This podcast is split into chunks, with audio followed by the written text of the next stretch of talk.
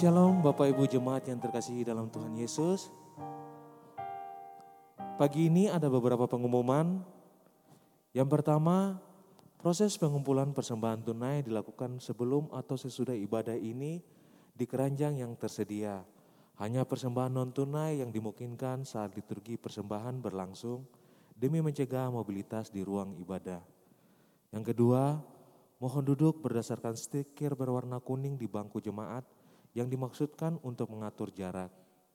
Dan yang ketiga, setelah ibadah ini harap Bapak Ibu menantikan arahan asyar untuk keluar dari ruang ibadah ke arah pintu masuk tadi agar tidak terjadi penumpukan antrian di pintu keluar. Bapak Ibu, kita akan berlatih dua lagu. Lagu persembahan NKB 21, Ku diberikan kidung yang baru. Mungkin minta tolong teman-teman multimedia untuk membantu.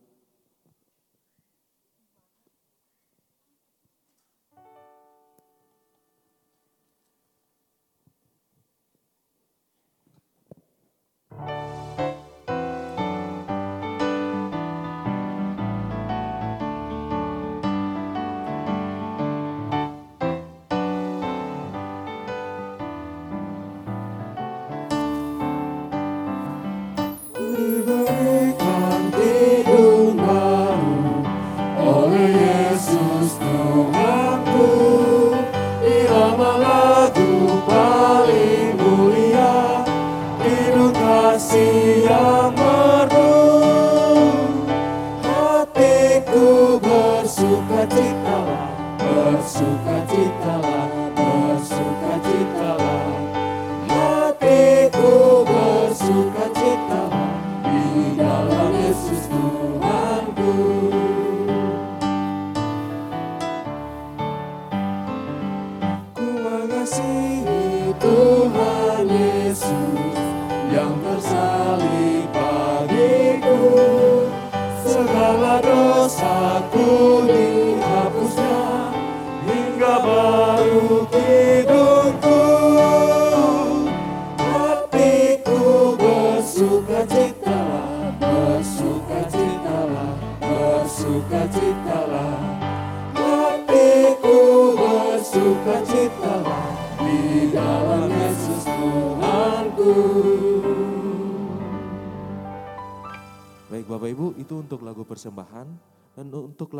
Lagu pengutusan kita akan nyanyikan dari NKB 164, Kidung yang Merdu di Hatiku. Hidung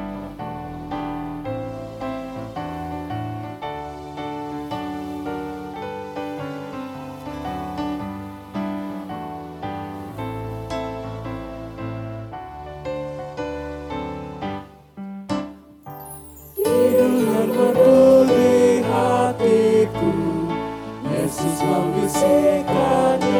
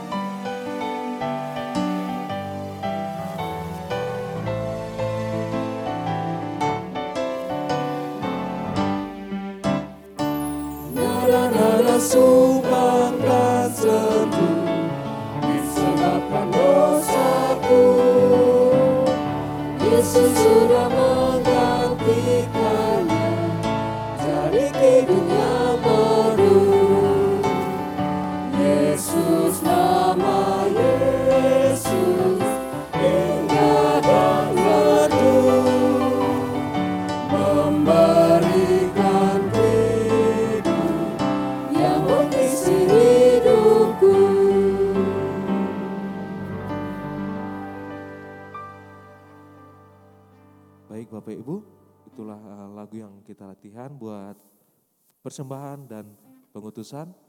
Untuk itu selamat beribadah, Tuhan Yesus memberkati.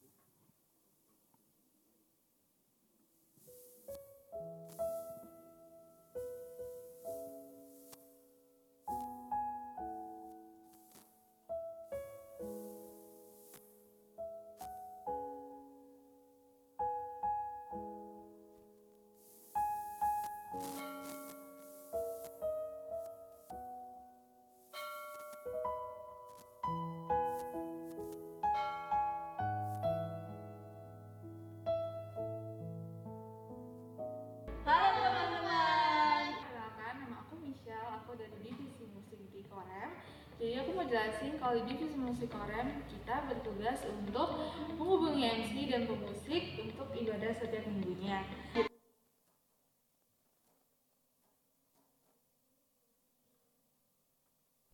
Halo teman-teman. Perkenalkan, nama aku Michelle, aku dari divisi musik di korem. Jadi aku mau jelasin kalau di divisi musik korem kita bertugas untuk menghubungi MC dan pemusik untuk ibadah setiap minggunya. Kita dari divisi Moment. Kenalin, aku Ove. Ella, Nah, Fe, kerjaannya itu apaan sih? ya di itu ya teman-teman, kita tuh satu bikin poster dan yang kedua kita bikin PPT di hari H. Wah, menarik banget ya. Iya benar banget, kalau gitu kalian jangan lupa daftar ke pengurusan terus pilih aja tuh divisi Moment tuh. Perkenalkan, aku Damai. Dan di sini aku sebagai perwakilan dari divisi acara. Nah, teman-teman, divisi acara itu punya tugas yaitu yang pertama menentukan konsep dan yang kedua memastikan eh, persekutuan berjalan dengan lancar. Menarik banget kan? Jangan lupa ya teman-teman buat daftar kepengurusan tahun ini di divisi acara dan jangan lupa buat join persekutuan remaja setiap hari Sabtu jam 5 sore di ruang Galilea. See you!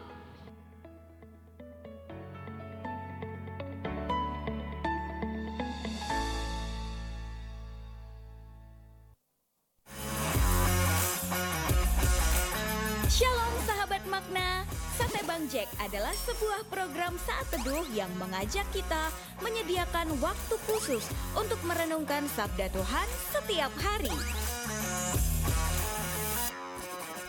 Firman Tuhan ini yang akan menuntun kita untuk menjalani kehidupan kita yang penuh dengan tantangan. Doa kami adalah supaya renungan singkat ini bisa menjadi berkat bagi sahabat makna di mana pun Anda berada. Untuk permohonan doa dan konseling dapat dikirimkan ke nomor 0878 78 75 75 54.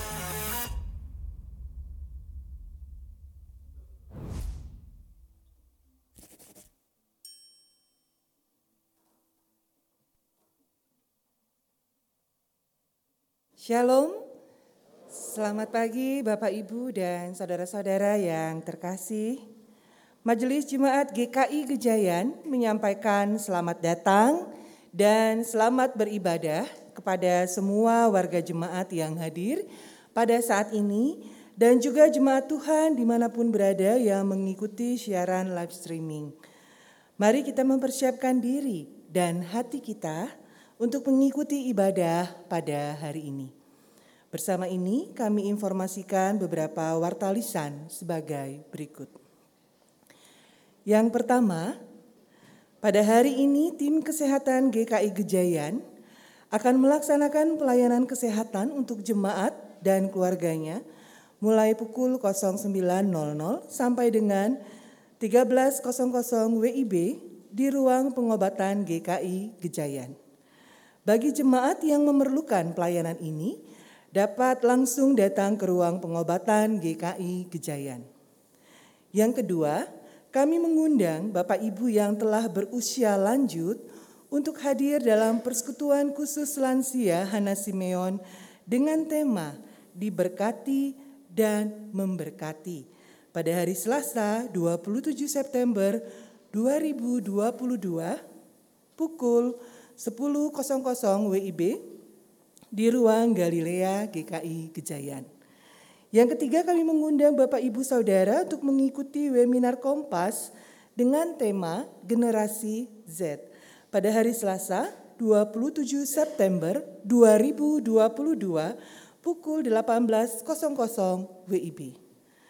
Dan yang keempat, Sekolah Konseling GKI Gejayan akan mengadakan kelas terbuka untuk umum dengan tema Konseling Lansia pada hari Selasa 27 September 2022 pukul 18.00 WIB melalui Zoom.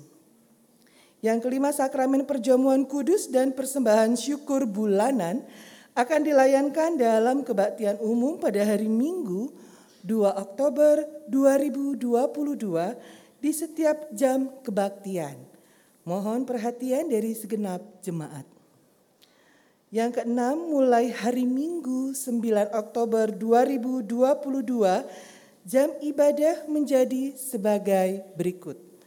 GKI Gejayan pukul 08.00, 10.30, 13.00, 16.00, dan 18.30 WIB. Sedangkan di The Grace pukul 08.30, 11.00, 13.00, 15.30 dan 18.00 WIB. Mohon perhatian dari segenap jemaat. Yang ketujuh, jemaat dapat melihat warta jemaat dan katalog tertulung secara lengkap dengan melihat akun atau link media sosial GKI Gejayan. Ibadah pada hari ini dengan tema Kobarkan Semangat dengan menyanyikan pujian. Pelayan firman Pendeta Wisnu Sabto Nugroho dari Lembaga Pembindaan dan Pengadiran Sinode GKJ dan GKI SW Jawa Tengah. Mari Bapak Ibu kita persiapkan hati kita dengan saat teduh sejenak.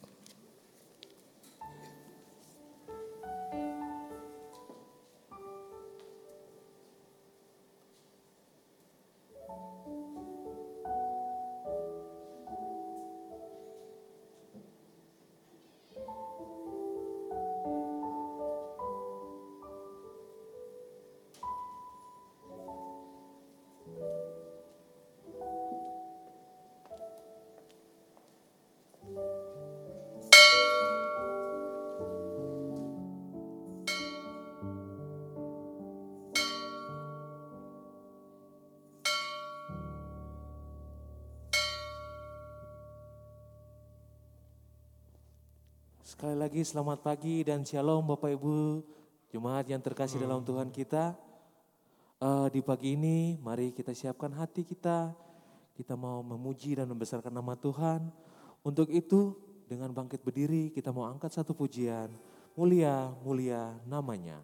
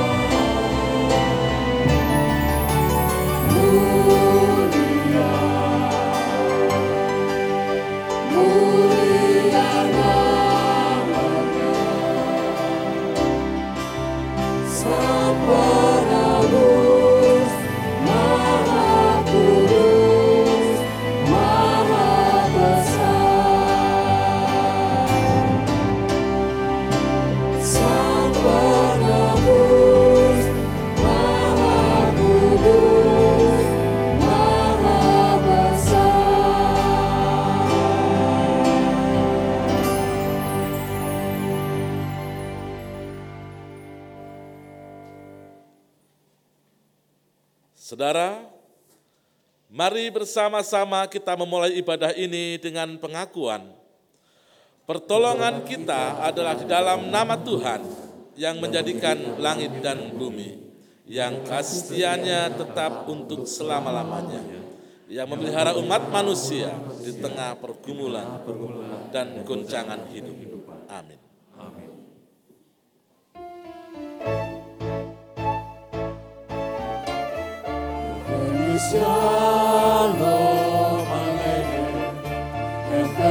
Shalom Aleichem. Heaven is Shalom Aleichem. Heaven is Shalom, Shalom, Shalom Aleichem. Ku bawa berita sejahtera. Ku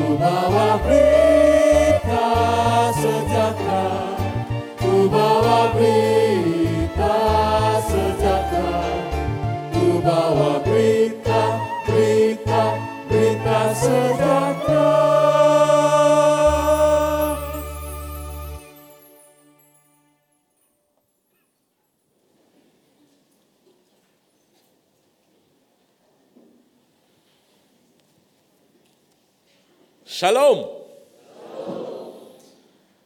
Puji Tuhan, kita berjumpa kembali pada hari ini untuk merayakan cinta.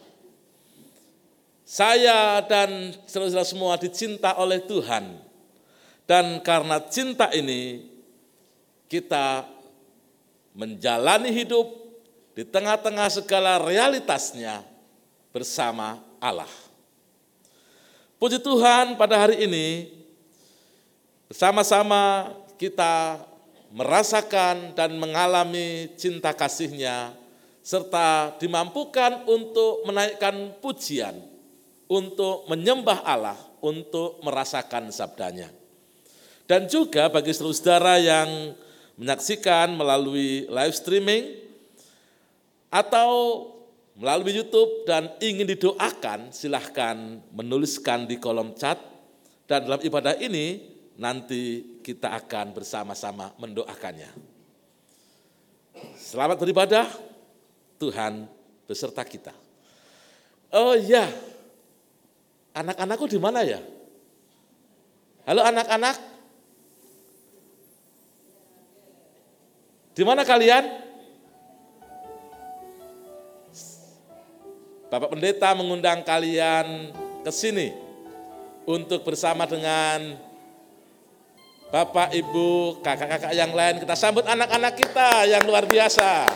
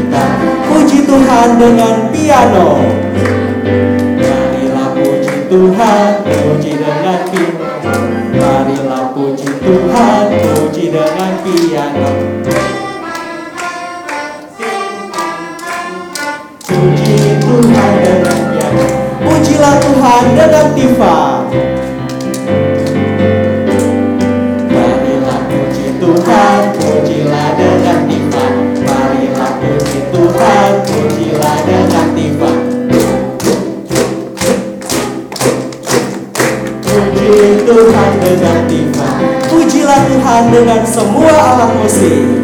Marilah puji Tuhan, pujilah dengan semua. Marilah puji Tuhan, pujilah dengan semua. Ceng, ceng, ceng, ceng. Bum, bum, bum. Puji Tuhan dengan semua.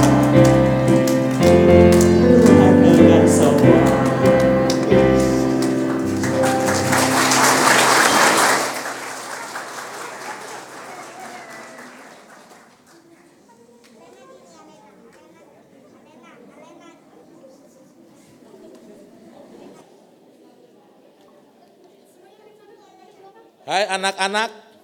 Hai. Luar biasa. Tadi sudah memuji Tuhan. Pujilah nama Tuhan, pujilah dengan semua. Pujilah nama Tuhan, pujilah dengan semua. Terus gimana? Ada yang jreng jreng jreng jreng? Ada yang tolat-tolat? Coba bunyikan suaranya itu. Yang harmonika? Ulangi. Ulangi. Nanti Bapak kasih aba-aba ya. Ulangi ya. Satu, dua, tiga.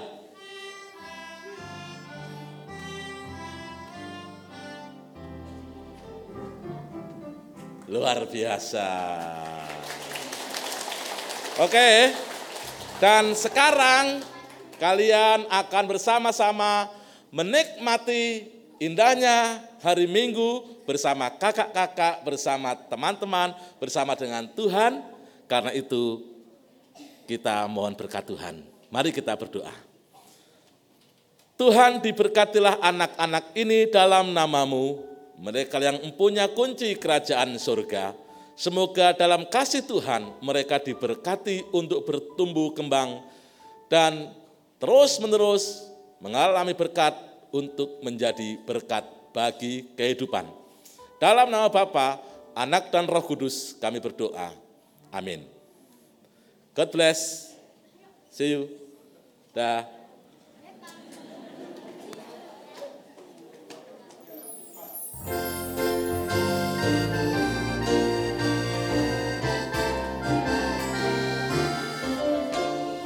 Hatiku penuh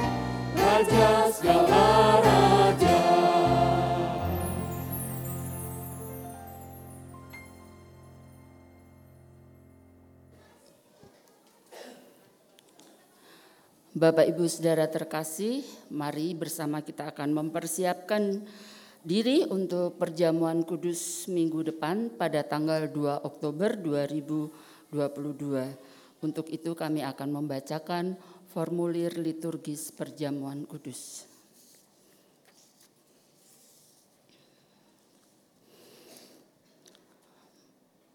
Pada ibadah minggu tanggal 2 Oktober 2022 kita akan merayakan perjamuan kudus.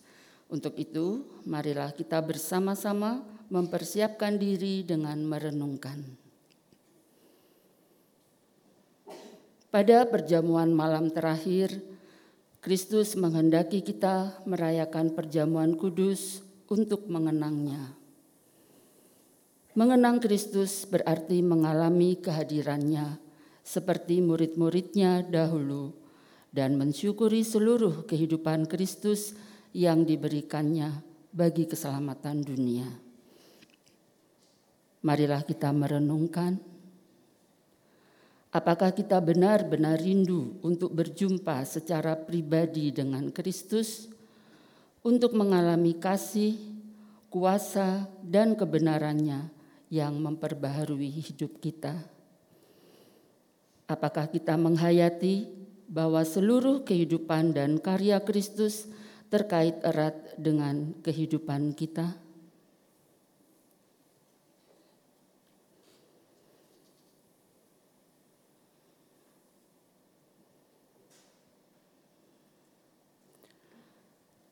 Pada perjamuan malam terakhir, ketika Kristus memecah roti dan mengangkat cawan, dia membagikan tubuh dan darahnya sendiri kepada murid-muridnya.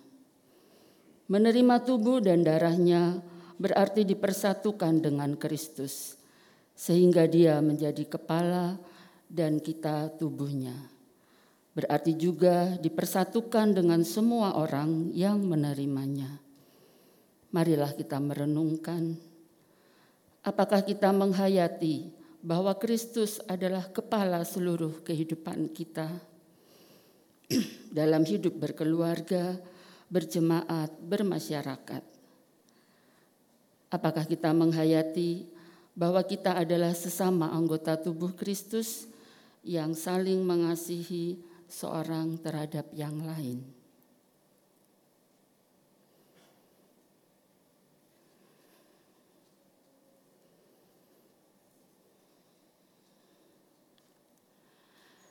Kita pun dipersatukan dalam kematian dan kebangkitan Kristus, roti hidup yang dipecah-pecahkan bagi dunia ini.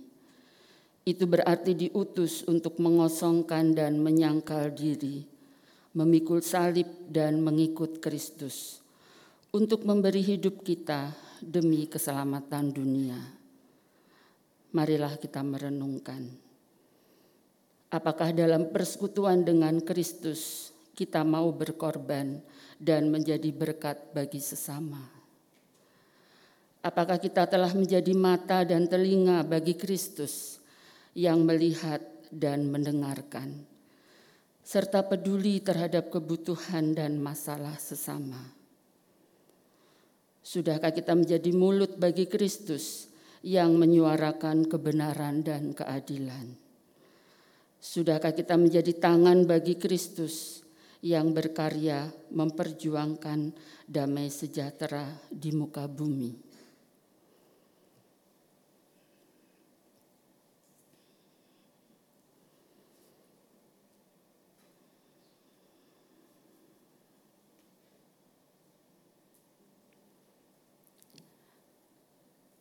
Kiranya Roh Kudus menolong kita semua dalam mempersiapkan diri untuk merayakan perjamuan kudus pada tanggal 2 Oktober 2022 mendatang sebagai perjamuan kudus sedunia.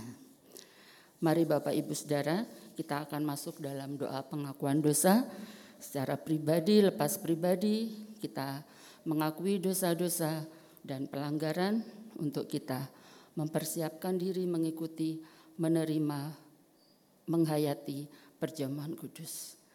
Mari kita satu dalam doa dan Bapak Ibu dipersilakan berdoa secara pribadi.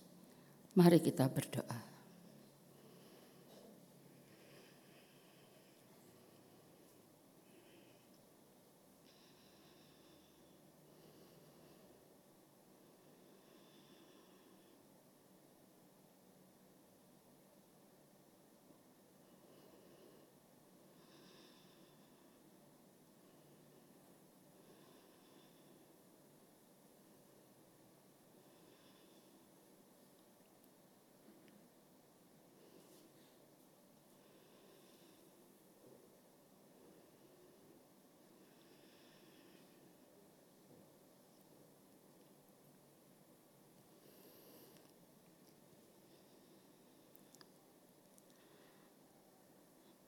Ya Bapa, ya Tuhan, inilah kami pribadi lepas pribadi yang dengan penuh rasa sesal dan malu mengakui kesalahan-kesalahan kami dan pelanggaran-pelanggaran kami yang menjadi dosa di hadapan Tuhan. Dan kami sehati sepikir memohon pengampunan dari Tuhan dan kami tidak mempersiapkan diri untuk mengikuti perjamuan kudus di minggu depan. Ya Bapa, dan jangan biarkan kami menyia-nyiakan pengampunan dari Tuhan. Di dalam nama Tuhan kami Yesus Kristus, kami berdoa, kami memohon dan kami mengucap syukur. Amin.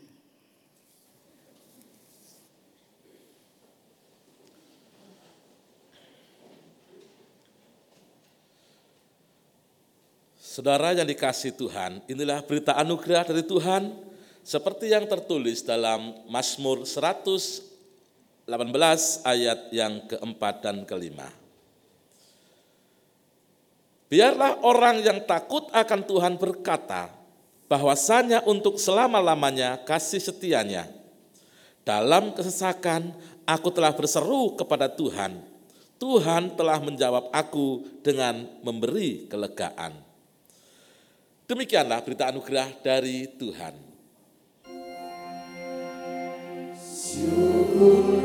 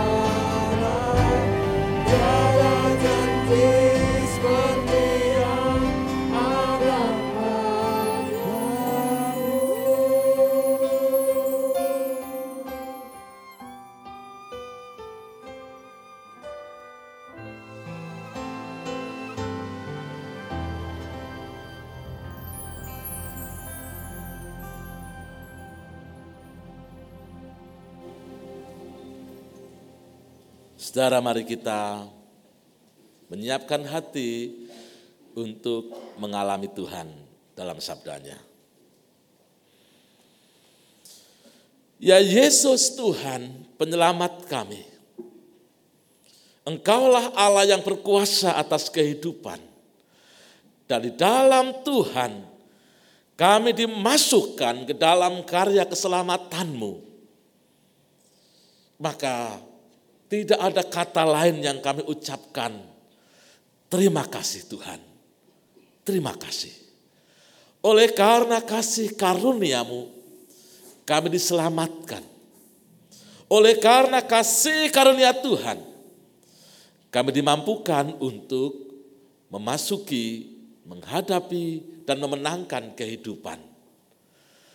Dan karena itu puji-pujian, nyanyian kami tertuju untuk Tuhan.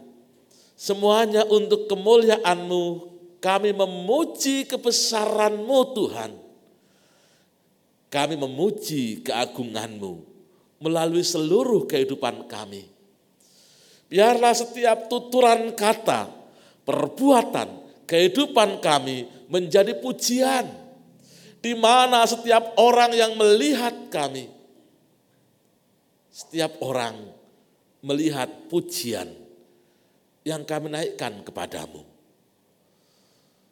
Terima kasih Tuhan. Dan melalui firman-Mu kami hendak meneguhkan ungkapan syukur melalui pujian dari kehidupan kami.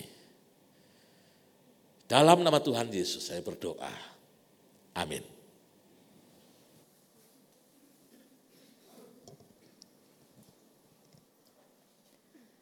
Kitab 2 Samuel pasal 6 ayat 11 sampai dengan 16a. Kitab 2 Samuel pasal 6 ayat 11 sampai dengan 16a.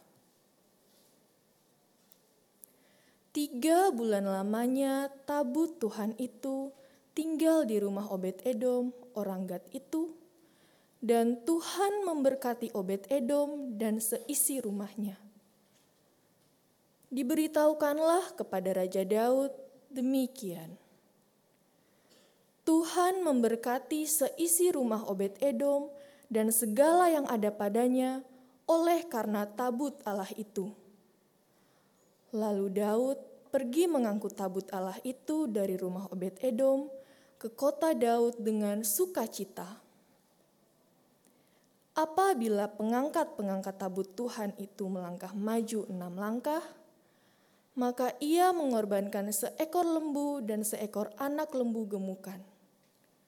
Dan Daud menari-nari di hadapan Tuhan dengan sekuat tenaga. Ia berbaju efod dari kain lenan.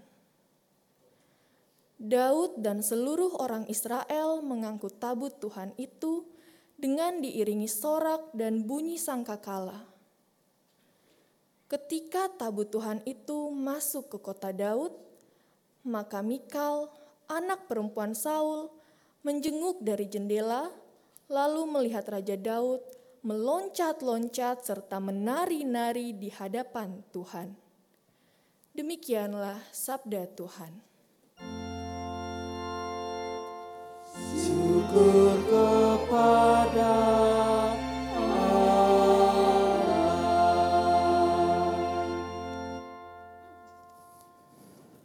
Mazmur 147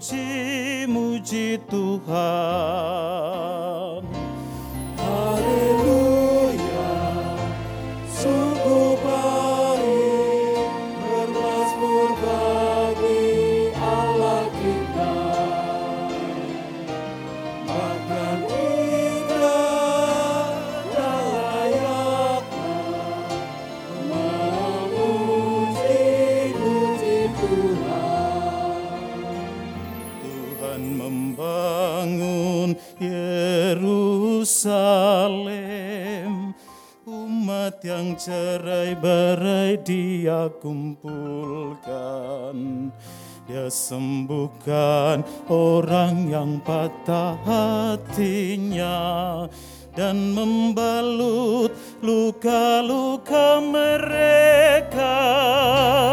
Haleluya, sungguh baik bermasmur bagi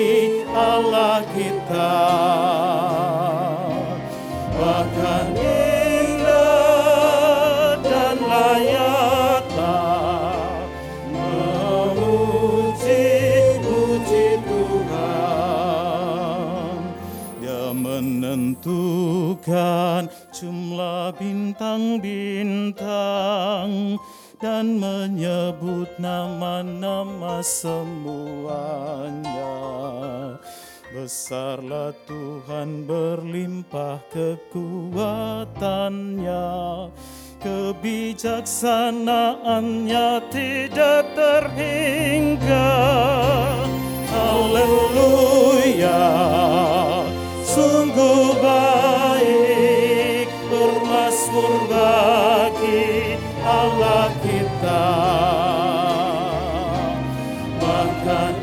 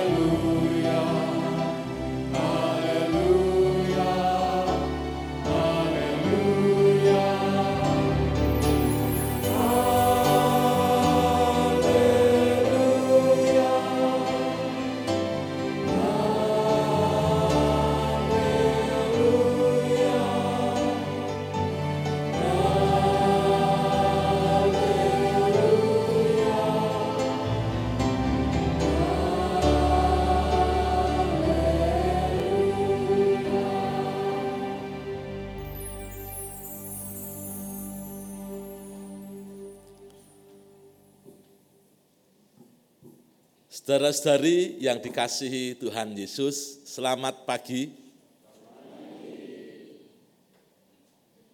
Kita merayakan cinta kasih Allah dan karena itu pada hari ini kita menghayati bagaimana mengobarkan semangat di dalam menaikkan pujian bagi Tuhan. Menaikkan pujian bagi Tuhan kita lakukan setiap hari, setiap saat.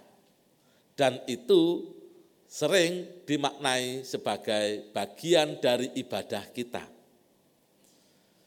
Ibadah kepada Tuhan. Ibadah merupakan sebuah berkat yang diberikan oleh Tuhan kepada kita.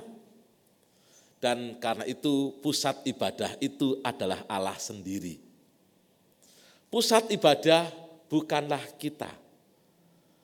Seringkali orang mengatakan dan kita mendengar, ah ibadah kemarin saya nggak dapat apa-apa.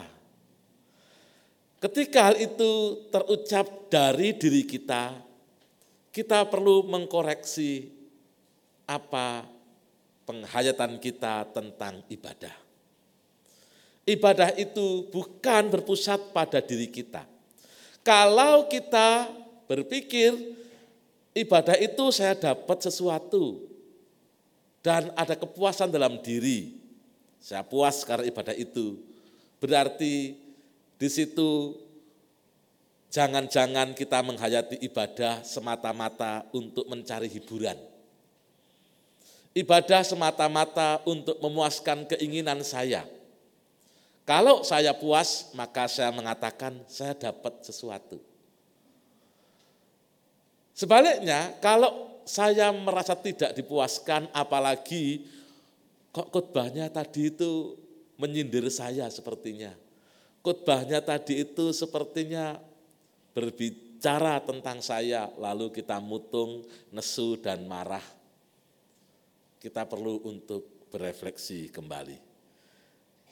Ada seorang bernama Soren Kierkegaard.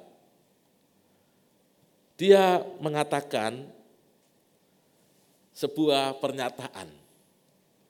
Dalam ibadah Kristen, siapa aktornya? Aktornya adalah jemaat.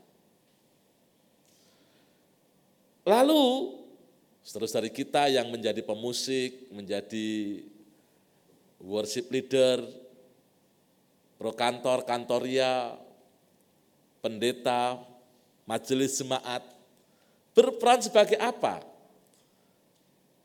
Kami semua yang bertugas adalah orang-orang yang disebut sutradara, yang mengajak kita semua. Yang menonton adalah Allah sendiri. Allah yang menonton kita. Allah yang menyaksikan semua yang kita naikkan bagi dia nyanyian-nyanyian kita, doa-doa kita, gestur kita, semuanya itu disaksikan oleh Allah. Jadi mestinya pernyataannya bukan aku mendapat sesuatu, melainkan aku memberikan sesuatu kepada Tuhan. Sesuatu itu adalah hidupku sendiri. Ibadah ini adalah hidupku yang diberikan untuk Tuhan. Dan ini senada dengan yang dikatakan oleh pendeta Yakob Susabda. Beliau mengatakan, pertama-tama ibadah Kristen itu adalah anugerah. Sebagai anugerah berarti di situ ada syukur.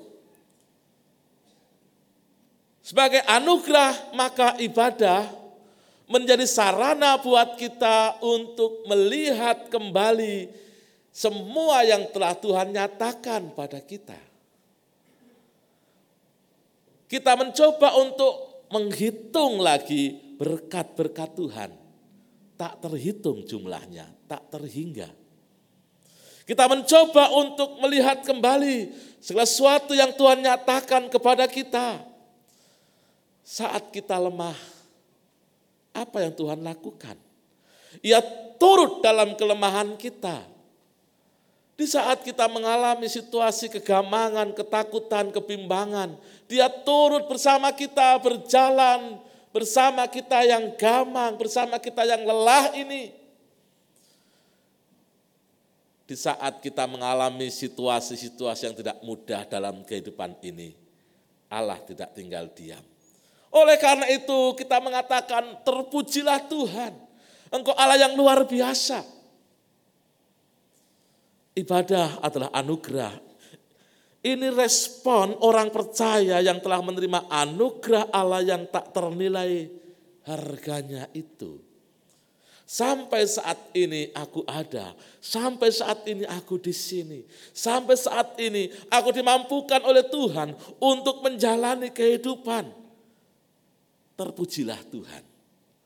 Dan karena itu kita yang memiliki pengalaman yang sama, pengalaman dicinta oleh Tuhan, membuat kita berkumpul di sini untuk merayakan bersama-sama melalui pujian-pujian kita, melalui persembahan kita, melalui upaya kita memuliakan Allah.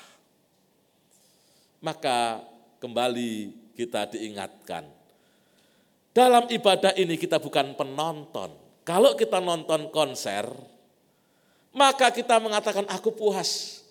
Karena apa? Karena aku nonton konser. Wong kong ini kok dibanding-banding ke. Oh ya, oh ya. Kita merasa wah seneng. Aku puas tadi penampilannya itu performanya luar biasa. Dan aku merasa sebagai orang yang dibanding-banding ke sakitnya di sini. Tapi aku puas. Itulah tontonan. Ketika kita menonton, maka kita mencari kepuasan. Ibadah mengajak kita untuk aktif. Ibadah mengajak kita untuk mempersembahkan diri karena kita merespon. Merespon semua yang Tuhan berikan pada kita dan kita belajar dari pemazmur ketika dia menaikkan pujian haleluya. Sungguh bermasmur bagi Allah kita itu baik. Bahkan indah dan layaklah memuji-muji itu. Pemazmur meneladankan pada kita semua makna beribadah kepada Allah. Sungguh bermasmur itu baik. Maka ketika kita datang untuk merayakan cinta Tuhan melalui ibadah kita, itu baik karena kita bermasmur bagi Allah kita. Kita beribadah bagi Allah kita. Kebaikannya di mana? Kebaikannya pertama-tama dari diri kita yang telah mengalami anugerah Allah. Orang-orang yang mengalami anugerah Allah itu akan bersyukur. Dan orang-orang yang penuh dengan syukur adalah orang-orang yang menjalani kehidupan dengan kebajikan, dengan keikhlasan. Bukan orang-orang yang kepeksa, bukan orang-orang yang terpaksa. Sungguh bermasmur bagi Allah itu baik, bahkan indah. Dan karena kita bermasmur bagi Allah, itu sebuah kebaikan, maka kita memperjuangkan untuk menjadikan ibadah itu indah. Puji-pujian kita dinaikkan kepada Tuhan dengan keindahan pembacaan kitab suci kita lakukan dengan keindahan. Kita hadir untuk Tuhan dengan indah. Indah di mata Tuhan, indah di mata sesama kita. Dan karena itu ibadah yang kita naikkan kepada Allah itu bernilai seni yang sangat tinggi karena dinilai oleh Allah sendiri. Berangkat dari hati niat kita yang baik. hati dan niat yang baik akan mendorong semua melakukan yang baik.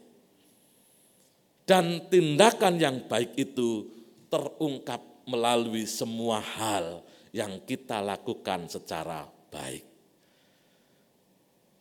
Melakukan semua secara baik, dilakukan dengan sungguh-sungguh, maka adalah baik juga kalau sebelum kita datang beribadah, kita juga menyiapkan hati.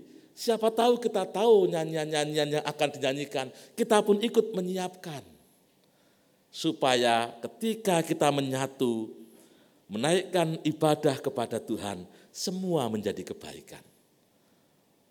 Tentu saja bukan sekadar estetis, lebih dari itu. Sebab Allah yang melihat semuanya. Dan semua tindakan yang kita lakukan kepada Tuhan, nyanyian kita bagi Tuhan, pujian kita bagi Tuhan, dilakukan dengan semangat menyembah Allah kita, Allah yang akrab dengan kehidupan kita. Sekaligus kita menghormat Allah. Sifat nyanyian bagi Tuhan itu hormat dan akrab.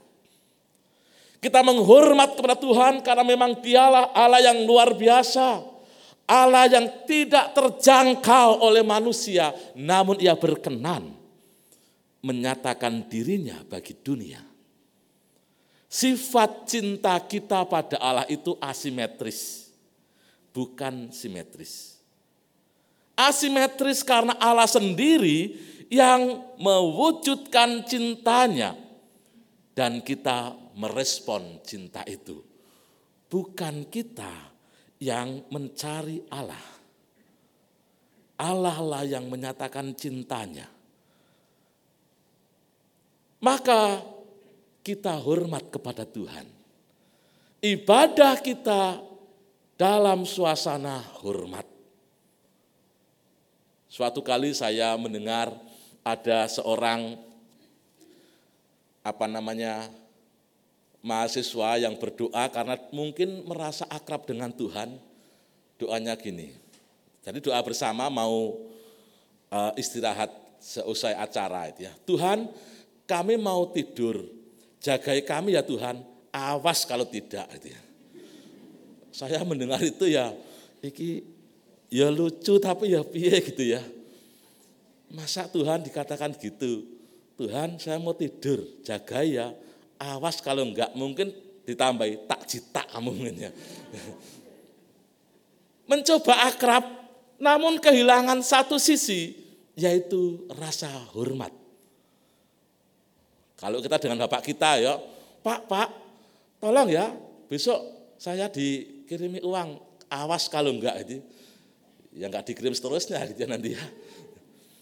Mungkin ia mencoba untuk menunjukkan rasa akrabnya pada Tuhan, kedekatannya pada Tuhan.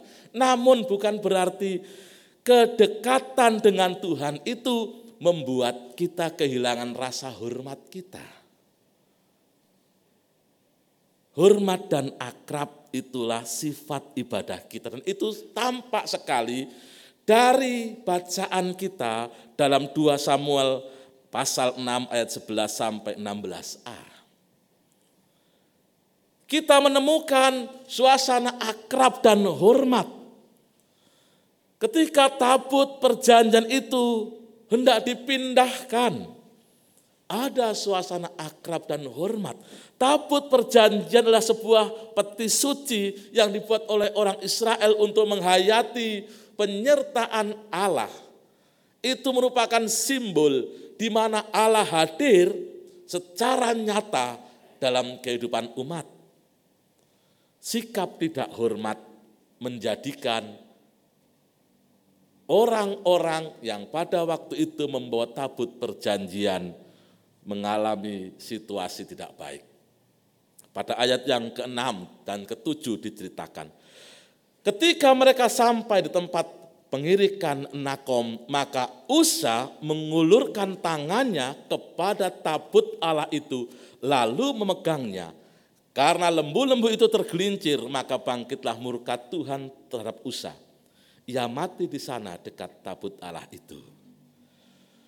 Karena sikap lalai sehingga mengabaikan kehormatan dan penghormatan. Sikap ibadah kita adalah sikap ibadah yang hormat karena Allah adalah sumber kehidupan. Maka hormat dalam ibadah ini merupakan hormat pada kehidupan.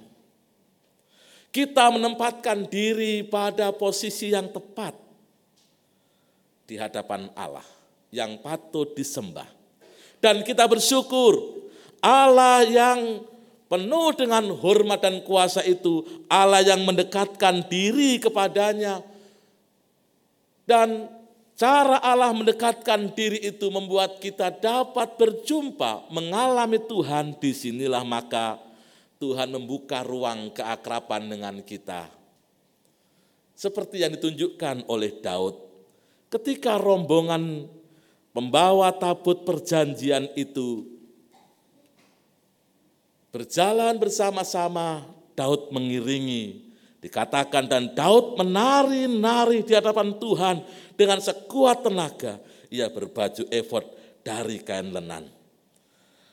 Di sini kita melihat Daud mengajarkan bagaimana ibadah dalam suasana yang akrab, dalam penghormatan kepada Allah. Ia sebagai seorang raja, ia bersama dengan masyarakat di sekitarnya merayakan gambaran Daud yang tidak takut kehilangan kehormatan karena dia menari-nari bersama banyak orang. Menjadi gambaran bagaimana kedekatan Allah dengan kita. Dan itu terjadi karena Daud mengalami kedekatan dengan Allah. Kedekatan dengan Allah membuatnya mengekspresikan seluruh nyanyiannya kepada Tuhan dengan cinta. Karena cinta, karena kasih, kita dimampukan untuk hidup dengan hormat dan akrab. Kalau kita saling mengasihi, kita saling menghormati dalam suasana yang akrab. Demikian juga dalam relasi bersama Allah. Kita dikasihi oleh Allah, maka relasi yang akrab dan dekat itu terjadi. Jika pada minggu-minggu ini kita menghayati, kita merenungkan panggilan untuk bermusik bagi Tuhan. Kita diingatkan tentang hal ini memuji Tuhan dengan hormat dan akrab. Untuk membangun relasi kita dengan Allah. Kita diajak pula untuk mengingat yang dikatakan oleh Santo Agustinus. Ketika dia menghayati bagaimana relasi antara manusia dengan Tuhan yang terjalin dengan hormat dan akrab melalui nyanyian, melalui pujian. Agustinus mengatakan dalam sebuah ungkapan yang sangat indah, bernyanyi memiliki nilai yang sama dengan berdoa dua kali. Menyanyi sama dengan berdoa dua kali. Apa arti yang diungkapkan oleh Agustinus itu? Menyanyi merupakan panggilan hati dan jiwa. Dan itu dilakukan dengan penuh penghayatan. Saudara kalau kita menyanyi itu kan mesti penghayatannya sesuai dengan apa yang kita nyanyikan.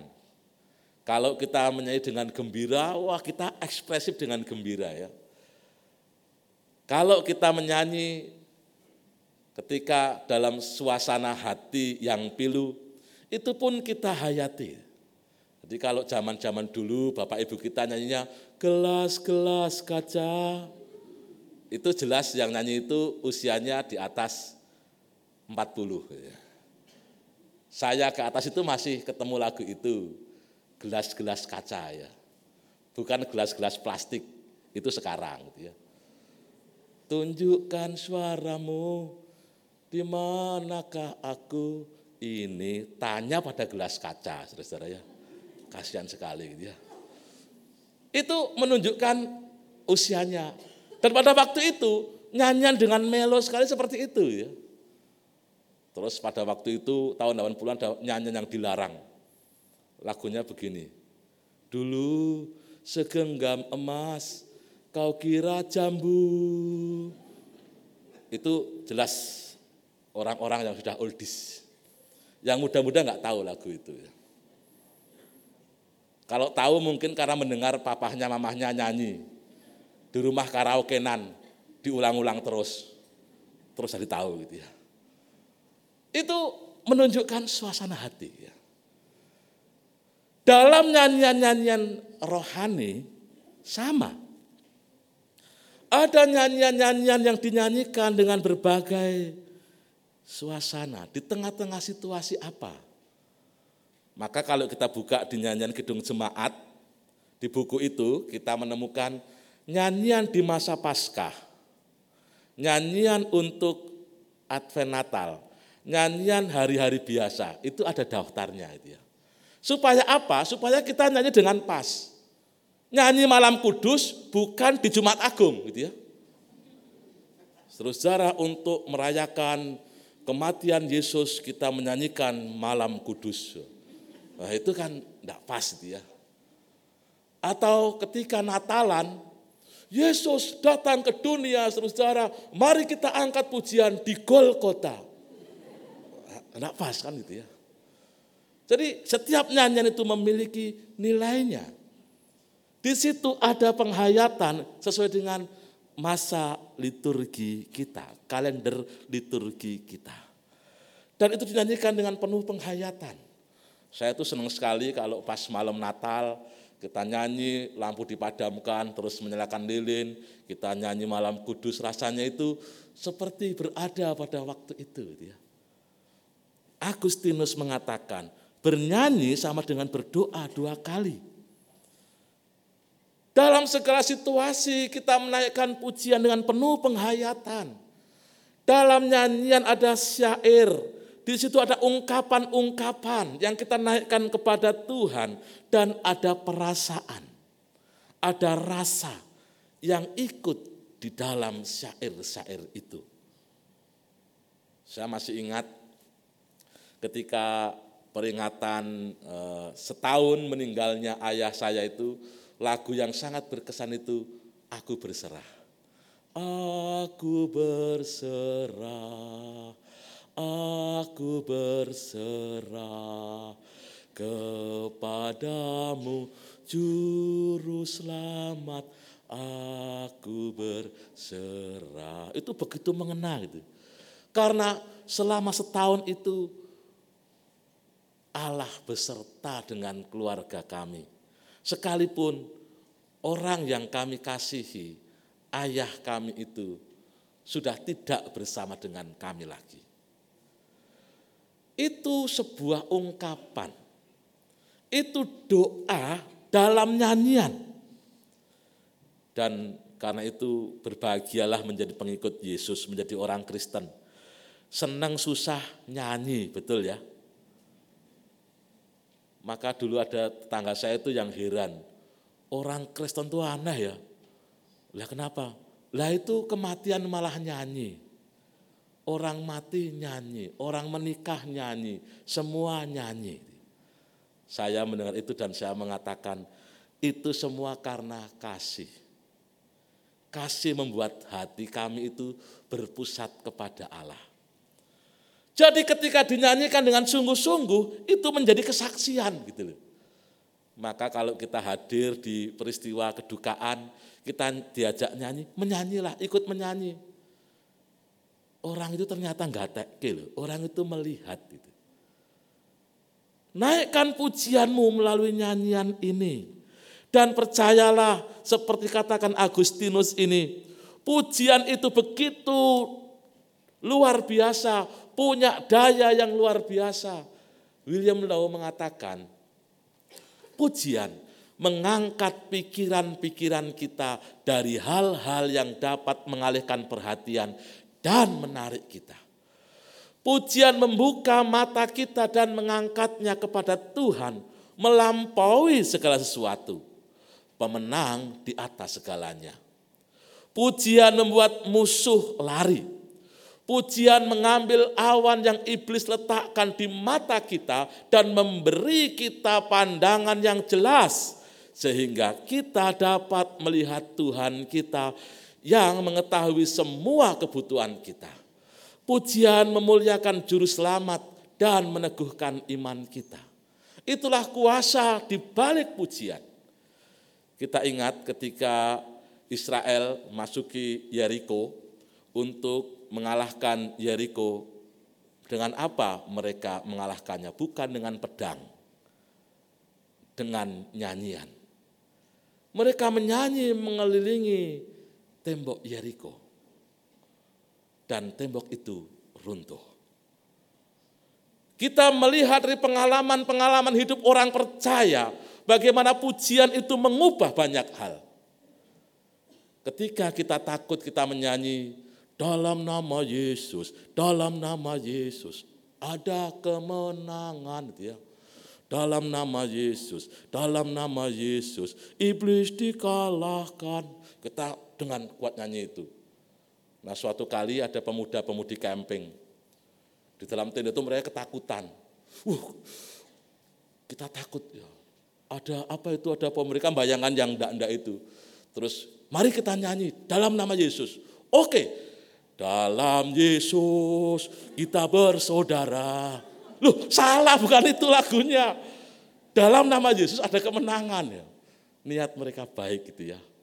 Ada kemenangan gitu. Dalam nama Yesus iblis dikalahkan.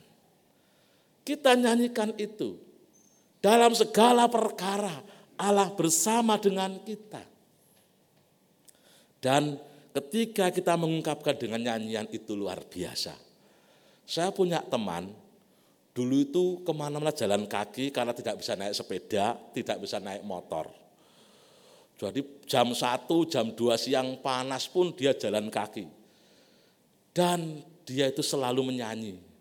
Sambil jalan nyanyi itu. Nah suatu kali kami tanya, kok kamu kalau jalan tuh nyanyi? Dia mengatakan, inilah sumber kekuatan saya. Ke mana-mana saya jalan kaki, saya selalu kuat karena saya menaikkan pujian bagi Tuhan. Ini mengkonfirmasi seperti dikatakan oleh William Law ini. Melalui pujian kita mengangkat jiwa kita, hidup kita kepada Allah. Dan ini juga mengamini seperti yang dikatakan oleh sang pemazmur. Bernyanyilah bagi Tuhan dengan nyanyian syukur. Bermasmurlah bagi Allah kita dengan kecapi. Dengan begitu kita mengobarkan semangat dan menyanyikan pujian bagi Tuhan karena kita mengucap syukur dan kita membangun pengharapan. Di situ kita semakin meyakini Tuhan mengasihi kita. Amin.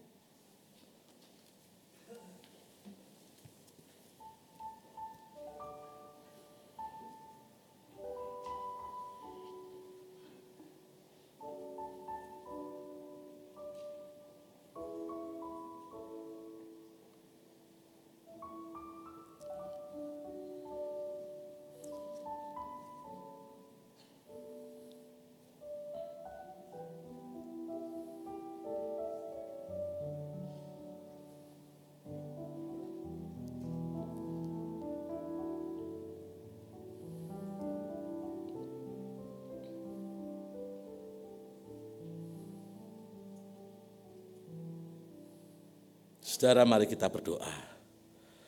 Tuhan kami sungguh bersyukur karena Tuhan menyatakan kuasa yang begitu ajaib dan indah bagi kami.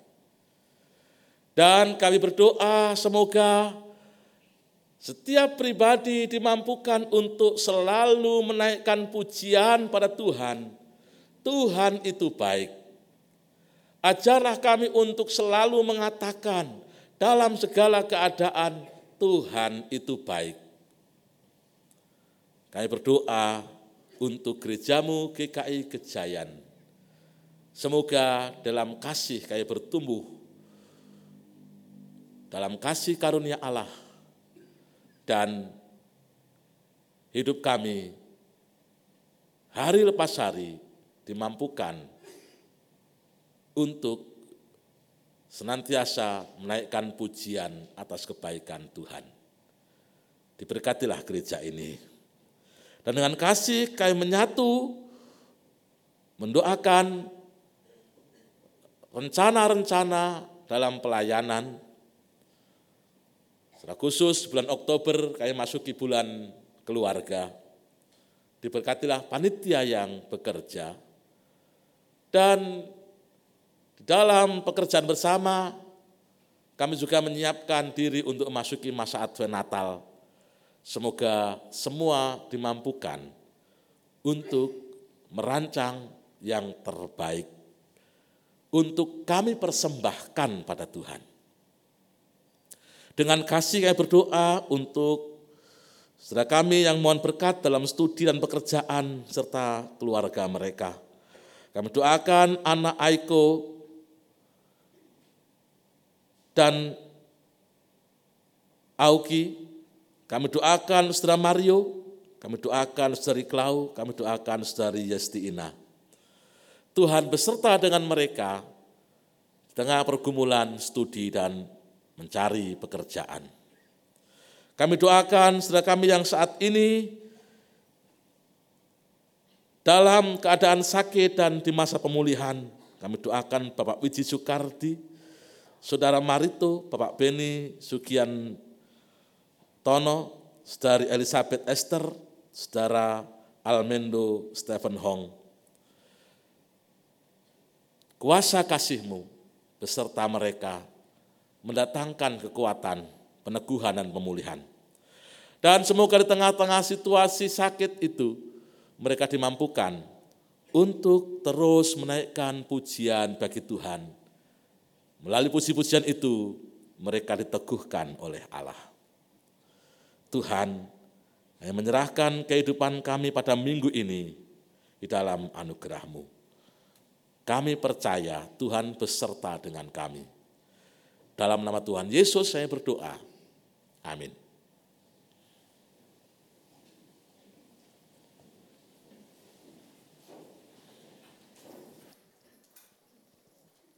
Bapak, Ibu, Saudara yang dikasih Tuhan Yesus, mari kita bersama seluruh orang percaya di segala tempat dan di sepanjang segala abad, kita mengikrarkan pengakuan iman kita berdasar pengakuan iman rasuli. Aku percaya kepada Allah, Bapa yang Maha Kuasa, kali langit dan bumi, dan kepada Yesus Kristus, anaknya yang tunggal Tuhan kita, yang dikandung dari roh kudus, lahir dari anak darah Maria, yang menderita sengsara di bawah pemerintahan Pontius Pilatus, disalibkan, mati dan kuburkan, turun ke dalam kerajaan maut. Pada hari yang ketiga, bangkit pula dari antara orang mati, naik ke surga, duduk di sebelah kanan Allah, Bapa yang Maha Kuasa. Dan dari sana ia akan datang untuk menghakimi orang yang hidup dan yang mati. Aku percaya kepada Roh Kudus, gereja yang kudus dan am, persekutuan orang kudus, pengampunan dosa, kebangkitan orang mati, dan hidup yang kekal. Amin. Mari kita mengumpulkan persembahan sambil mengingat Mazmur 28 ayat 7. Mari kita baca bersama-sama.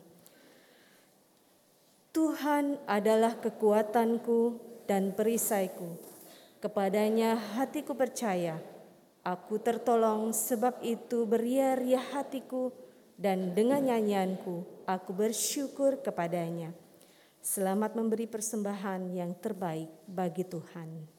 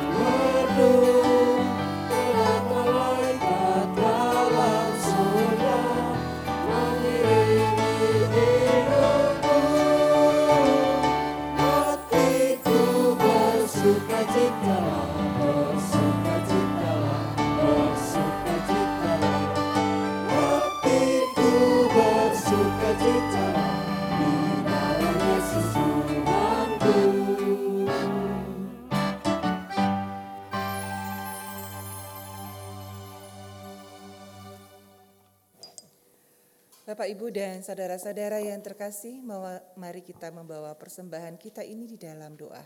Mari kita berdoa. Tuhan yang Maha Kasih dan Maha Penyayang, sumber kuat dan sumber kegembiraan kami, kami bersyukur kepadamu ya Tuhan, untuk segala kebaikan dan cinta kasih Tuhan yang menyertai dan melindungi kami senantiasa di dalam segala karya dan dalam segala pelayanan kami.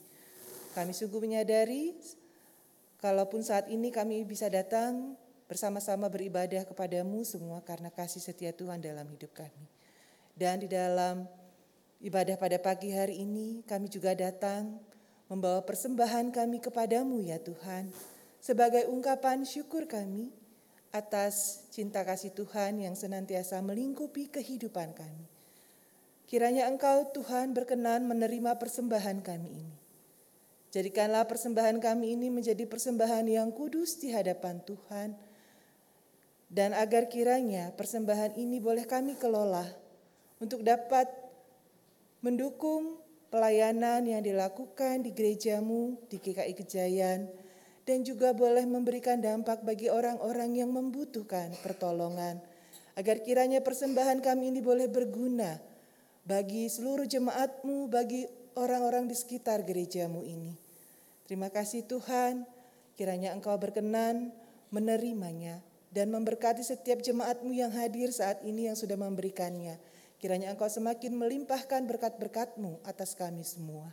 Terima kasih Tuhan Yesus, dan kiranya kehidupan kami ini juga boleh menjadi persembahan yang kudus bagi Tuhan. Inilah doa kami Tuhan, dengan segala kerendahan hati kami menyerahkan persembahan kami ini hanya ke dalam tanganmu. Di dalam nama Yesus kami berdoa dan mengucapkan syukur. Amin. Baik, Bapak Ibu, ibadah kita akan berakhir di tempat ini. Tapi ibadah kita yang sesungguhnya ketika kita keluar dari tempat ini dan kita membagi firman yang sudah kita dapat dalam lingkungan kehidupan kita masing-masing. Mari kita akhiri ibadah kita dengan nyanyian Kidung Baru 164, Kidung yang merdu di hatiku.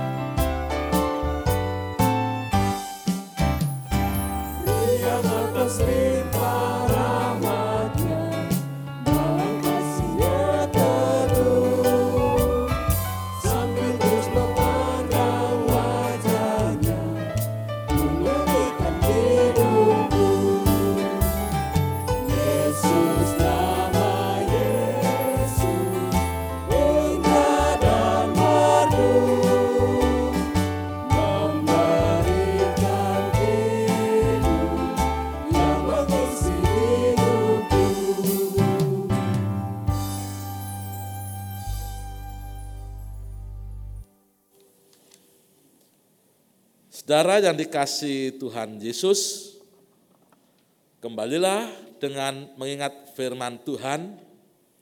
Sesungguhnya pujian yang berkenan bagi Tuhan itu adalah hidupmu. Hidupmu adalah pujian yang dipersembahkan bagi Tuhan. Maka jadikan hidupmu sebagai persembahan yang hidup melalui seluruh aktivitas yang dipercayakan Tuhan kepadamu, semua menjadi pujian dan orang-orang akan melihat engkau, mengalami berkat Tuhan karena engkau memberkati seperti berkat Tuhan yang nyata padamu.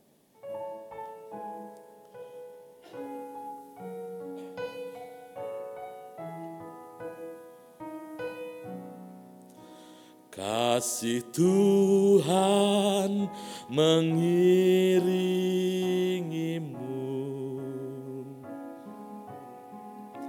dan sayapnya melindungimu.